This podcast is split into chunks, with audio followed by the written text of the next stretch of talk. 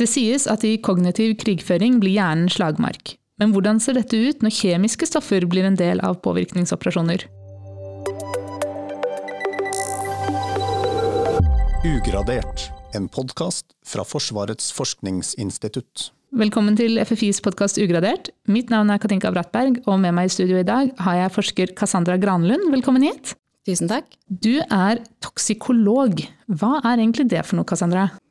Så toksikologi er et fagfelt som blir som en krysning mellom både biologi, kjemi, farmakologi og medisin. Og en toksikolog da, de ser på hvordan kjemiske stoffer kan påvirke biologiske organismer, som det kan være mennesker, planter eller dyr. Men nå har jo du skrevet en helt fersk rapport om kognitiv krigføring. Hvordan henger det da egentlig sammen med din bakgrunn som toksikolog? Det er et veldig godt spørsmål, og det har i mange år vært diskutert hva er egentlig kognitiv krigføring, og hva skal det inkludere, og hva skal det se på. Så det har vært eh, foreslåtte definisjoner av kognitiv krigføring fra så langt tilbake som i 2007. Og i fjor så hadde jo podkasten besøk av forsker Lea Bjørgul, som bl.a. snakka om denne mangelen på overordna definisjon eh, innen kognitiv krigføring.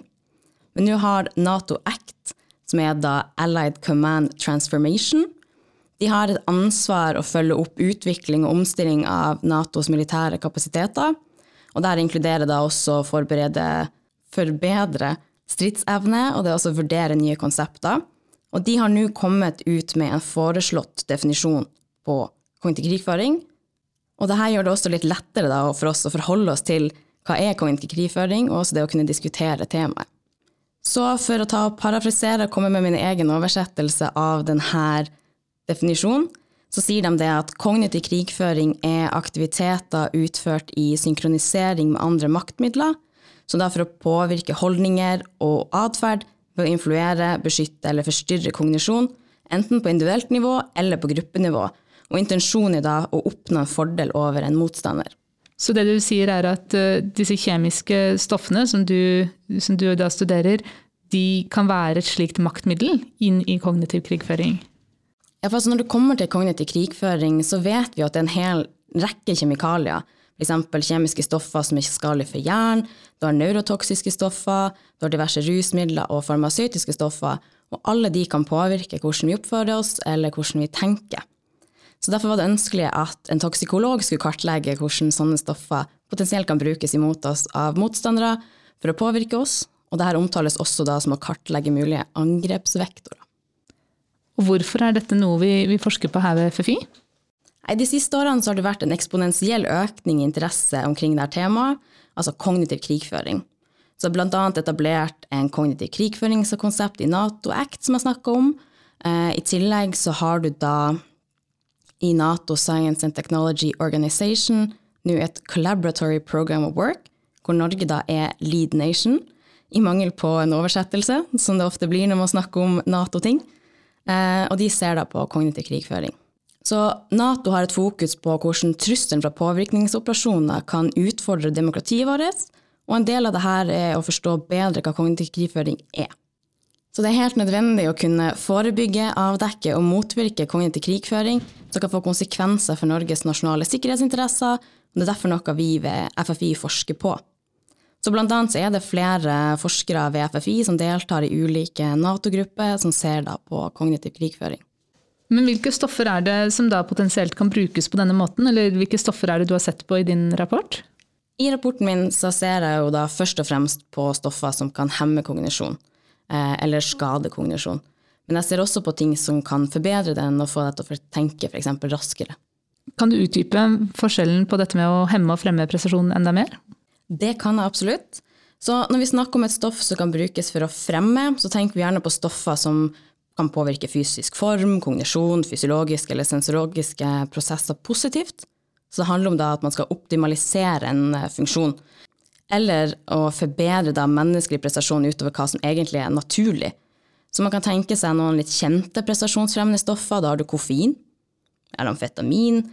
Så har du Ritalin, eller en ting som brukes av Forsvaret, ikke i Norge da, men i andre land, er det modafinil. Eh, det brukes i utgangspunkt egentlig for å behandle narkolepsi. Og flere av disse stoffene da kan brukes for å øke bl.a. årvåkenhet, konsentrasjon, energinivå eller det å heve humør.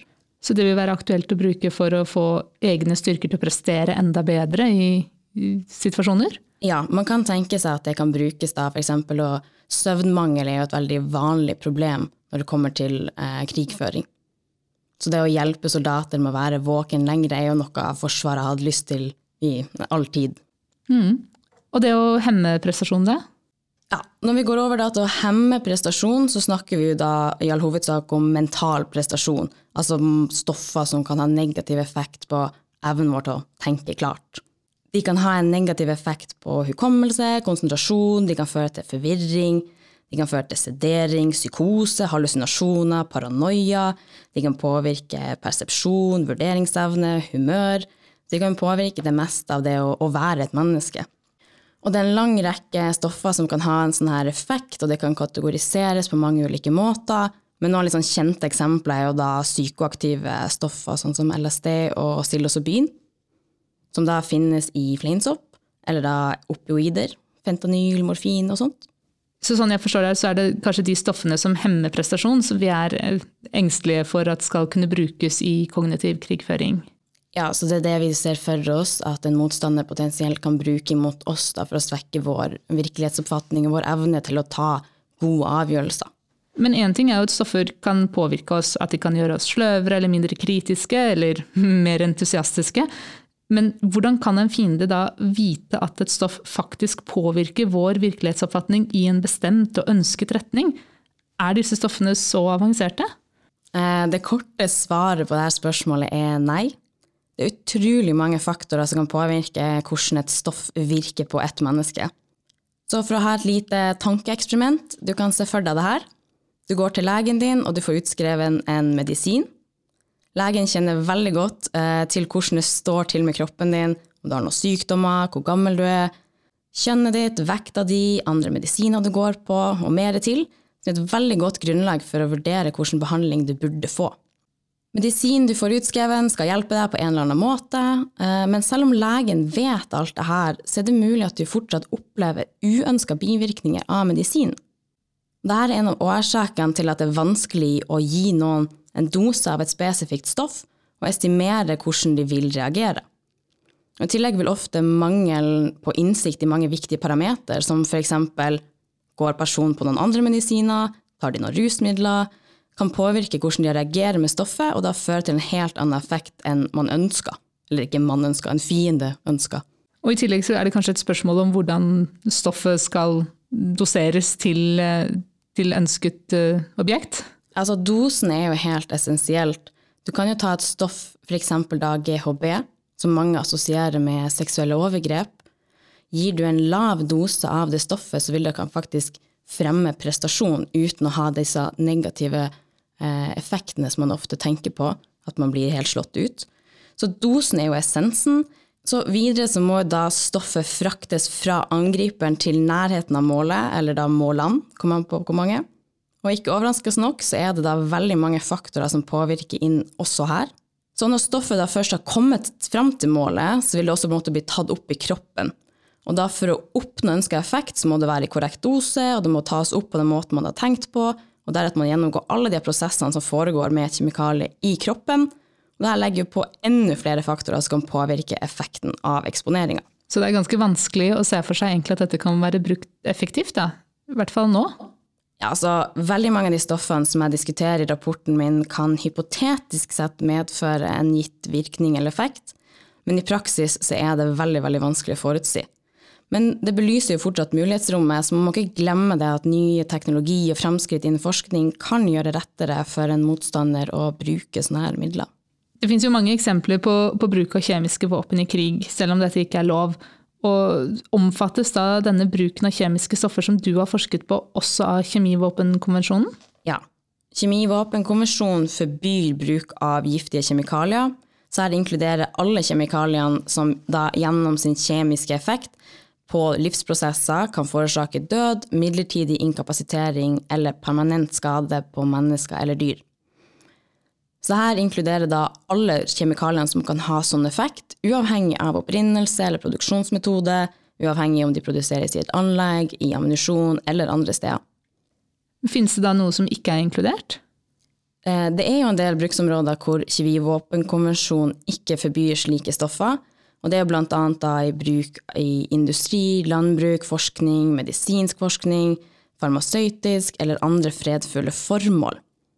Eh, I tillegg er det også at politiet har lov å bruke kjemikalier i sitt eget land, da, altså vi kan jo spesifikt snakke om Norge, i rettshåndhevelse. Som betyr da at politiet har lov å bruke tåregass, som er da et kjemisk våpen, imot sin egen befolkning, men da under visse forutsetninger. Men tåregass er derimot ikke lov å bruke i krigføring, og dette gjelder da alle disse giftige kjemikaliene. Så hva er det vi er bekymret for da? Siden det er flere formål hvor det er lov å lage og lagre, og da òg bruke giftige kjemikalier, så er det da en bekymring for at dette kan brukes som et dekke av fiendtlige stater for å utvikle farmasøytisk baserte agens eller kjemikalier som påvirker sentralnervesystemet, som nye typer av kjemiske agens. Men her vil jeg presisere også at Kjemivåpenkonvensjonen har bestemt at bruk av kjemikalier i luftpartikkelform, altså areosoler, som påvirker sentralnervesystemet, ikke er lov eh, til bruk av politiet. Men det er kanskje likevel mulig å se for seg at eh, noen andre stater vil kunne bruke dette også mot egen befolkning? Man kan absolutt tenke seg at eh, ikke-demokratiske stater vil potensielt kunne bruke dette mot egen befolkning. Men hvordan ser vi for oss da at et angrep mot en annen stat eller annen, annen befolkning eller egen befolkning skal kunne se ut? Altså hvordan skal en fiende nå ut til mange nok da, med disse typer stoffene? Det er et veldig godt spørsmål, og man kan også stille seg spørsmålet har de interessen av å nå ut til mange. Men hvis du ser for deg en verden av mange hypotetiske scenarioer, så finnes det en lang rekke angrepsvektorer som fiender potensielt kan bruke, også for å nå ut til mange. Men hvis vi skal knytte dette sammen med hva som er målet med en sånn operasjon, og hvordan en motstander faktisk skal oppnå den effekten de ønsker med angrepet sitt, så korter dette lista betydelig. Fins det noen eksempler på at dette har vært brukt? Nå, er ikke dette et eksempel på fiendtlig bruk, eh, men det illustrerer poenget med at det kan være veldig vanskelig å forutsi effekt, og det å oppnå den effekten man vil, særlig når det er snakk om et større antall mennesker. Så I 2002 så tok paramilitære terrorister fra Tsjetsjenia kontroll over et teater i Moskva, og de holdt også over 850 mennesker som gisler i et par dager. Russiske styrker iverksatte da en antiterroraksjon og pumpa inn fentanylanaloger, som sånne luftpartikler, inn i det teatret med en mål om å stoppe den pågående gisselsituasjonen. Og areosolen slo ut terroristene og gislene før de forsto hva som var på gang, og det hindra også da muligheten for gisseltakerne å skade gisler, utlyse bomber eller annet. Og terroristene hadde heller ikke tid til å beskytte seg mot det her de pusta inn, så sånn sett var jo denne aksjonen vellykka. Men dessverre så døde over 120 mennesker av dette stoffet, bl.a. pga. en overdose. Når de blir slått ut av det stoffet her, så blokkerte det luftveien, og de rett og slett kveltes. Så da har vi et stoff som tok livet av over 120 mennesker, og det her da til tross for den terapeutiske indeksen, som da er forholdet mellom den laveste dosen av stoffet som gir en effekt, og opp til den som gir overdosering er ganske stor for fentanylanalogen som ble brukt, og derfor skulle i teorien ha en ganske stor sikkerhetsmargin. Så da ser du for deg at det ville vært mer aktuelt å bruke det i små, litt mer kontrollerte operasjoner hvor det ikke er så mange sivile involvert? da? Eh, absolutt. Det er i all hovedsak fiendtlige småskalaoperasjoner, spesialoperasjoner og angrep. Eh, på enkeltindivider som man ser for seg kanskje mest aktuelt, hvor det også er færre parametere å ta hensyn til. Så her kan f.eks. være fordekte fiendtlige operasjoner målretta mot militære eller politiske ledere, hvor målsetningen da er å påvirke evnen deres til å ta fornuftige beslutninger, eller det å manipulere dem psykologisk. Så sånn du forklarer det, så virker det til å være ganske usannsynlig at eh, et kjemisk angrep i så stor skala at det endrer den generelle virkelighetsoppfatningen i Oslo-området skal finne sted. Så av alle fæle ting i verden, er dette noe vi bør være bekymret for? Når det kommer til målretta angrep som har til formål å påvirke kognisjon, så altså ikke det man vil anse som et sånn typisk CBRN-angrep, så vil jeg si at det ikke er noen grunn til å bekymre seg for et stortskala angrep i en norsk storby. Men hvis noen skulle da gjennomføre et slikt eh, angrep også mot en, en, en småskala operasjon, hvordan er det mulig å beskytte seg da? Finnes det en motgift mot eh, psykoaktive substanser, eller vil en gassmaske hjelpe? Altså Enkelte av de stoffene jeg omtaler i min studie, har jo motgifter. Spesifikt sånn som den fentanylanalogen jeg snakker om, så finnes det jo medisin imot overdose. Hvis det kommer da til psykoaktive substanser, så blir man jo påvirka mentalt, og du har en tripp, som det kalles. Eh, og den vil gå over av seg sjøl. Det finnes ingen direkte motmidler.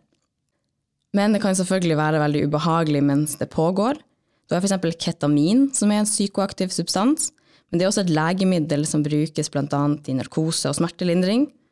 Eh, får du en høy dose av dette stoffet, så får du en kraftigere dissosiativ virkning, som er altså da en opplevelse av økt avstand til virkeligheten, som man kan si og du får hallusinogene effekter. Snakker vi om at man blir eksponert til partikler i lufta, altså de areosolene jeg har vært eh, innom flere ganger i dag, så vil jo da en gassmaske hjelpe. Potensielt vil også bare ha tøy framfor munnen hjelpe.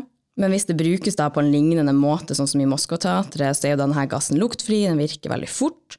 Så det er nok også begrensa med mulighet for å beskytte seg, selv om man tilfeldigvis har en gassmaske liggende. Men jeg vil også gjenta at bruk av kjemikalier i areosolform for et storskalaangrep er ikke noe jeg vil anslå som særlig sannsynlig, og det er heller ikke lovlig, da. Det er jo en veldig rask teknologisk utvikling, og hvordan påvirker dette ditt felt? I dette arbeidet har jeg hatt som mål å kartlegge stoffer som kan påvirke kognisjon, og da med et hovedfokus på stoffer som potensielt kan brukes i angrep imot oss. Så det er jo da mange stoffer som allerede eksisterer, som i teorien kan bli, eller i praksis har blitt våpenisert. Og I tillegg er denne faktoren med framskritt innen teknologi og forskning som kan føre til nye kjemiske trusler, og det kan også føre til nye måter å bruke gamle og kjente stoffer på. Så her kan f.eks. være framskritt innen ulike måter å levere legemidler, altså innad i kroppen. Spesielt de måtene som medfører at stoff kan krysse blod-hjernebarrieren, som øker da presisjonen i leveransen, eller som gjør at stoffene lettere kan komme seg unna immunforsvarets motangrep. Men når man snakker om medisiner og sånt, så er jo teknologisk utvikling ofte sett på som noe utelukkende positivt. Eh, går det an å tenke seg at dette også gjelder i disse tilfellene? Så til tross for at jeg hadde veldig mye fokus på negativ effekt og tenker mest på angrep i denne rapporten og i denne podkasten, så er det veldig viktig å huske at framskritt innen medisin og farmakologi er noe vi ønsker oss, og det er òg veldig bra. Biologisk og kjemisk våpenkontroll er en viktig internasjonal innsats for å forhindre bruken av disse våpnene. Og målet er å sikre at de ikke blir brukt i krigføring eller i terrorhandlinger, samtidig som det er viktig at vi fremmer og utnytter fordelene ved kjemiske og biologisk vitenskap. Har du noen eksempler på denne balansen mellom medisin og våpen? Et eksempel på et stoff eh, som forkortes til BZ, eh, kan jo nevnes her. Så det ble utvikla av det amerikanske forsvaret og våpenisert i 1961 som da en ikke-dødelig hallusinogenisk kjemisk agent. Noe som kanskje ikke triller helt lett, men målet var å påvirke mennesker uten å ta liv. BZ er en såkalt psykotomimetisk stoff, som gir da psykoselignende eh, symptomer. Og det ble da som sagt våpenisert tidlig på 60-tallet, men da tidlig 90-tall så ødela amerikanerne sine lagre av det her, for det hadde en veldig uforutsigbar effekt. Men det finnes fortsatt mulighet for at dette stoffet kan brukes av fiendtlige stater eller ikke-statlige aktører. På den andre sida av saken så er da BZ et stoff som brukes i forskning på nevrodegenerative sykdommer, som da Parkinson, Alzheimer og andre typer demens. Så det brukes da som et verktøy for å studere de underliggende mekanismene i sykdommene og for å utvikle en mer effektiv behandlingsmetode. Mange stoffer kan ha nyttige applikasjoner innen forskning og medisin, så derfor er det nødvendig med effektive kontrollmekanismer for å sikre at sånne stoffer ikke blir misbrukt, og at de utelukkende brukes til fredelige formål. Det er jo mye snakk om kunstig intelligens for tiden. Mm, hvordan ser du for deg at dette passer inn i denne tematikken? Kunstig intelligens er også et godt eksempel på dual use. For det kan da brukes til mye bra, men også med intensjon om å skape noe skadelig. En studie som var publisert i 2022, viser f.eks. da hvordan KI for legemiddelutvikling kan endres eh, på fra sin originale funksjon om å oppdage nye medisinske virkestoffer, til å heller oppdage de mest toksiske. Dette er jo en slags innledende rapport du har kommet med her. Hvordan skal du forske på dette videre nå? Hva er neste steg? Nato har stort fokus på kognitiv krigføring og ulike deler av kognitiv krigføring et av de her områdene som Nato har identifisert som et fokus som de må ha for å utvikle seg for å bevare sitt forsprang, er da cognitive superiority, og det er et tema jeg også skal se videre på. Hva ligger i cognitive superiority? De vil da se mer på hvordan vi eh, skal skaffe oss og bevare da en raskere, dypere, bredere og mer effektiv militær tenkning og forståelse. Så nå handler det mer om oss og vår rolle i dette, vår rolle i kognitiv krigføring, og ikke bare angrepsvektorer. I tillegg skal jeg delta i to ulike Nato-grupper som ser på ulike deler av kognitiv krigføring. Den ene har som mål å se mer på motstandernes mulige angrepsvektorer, og den andre ser mer på monitoreringsmuligheter og teknologi innen kognitiv krigføring. Så spennende. Jeg tror du blir nødt til å komme tilbake og snakke mer om dette på et senere tidspunkt. For dette var alt vi rakk i denne omgang. Tusen takk for at du kom, Cassandra. Takk for meg. Og dersom du som lytter ønsker å lese Cassandras rapport, så finner du den og masse annen informasjon om vår forskning på ffi.no.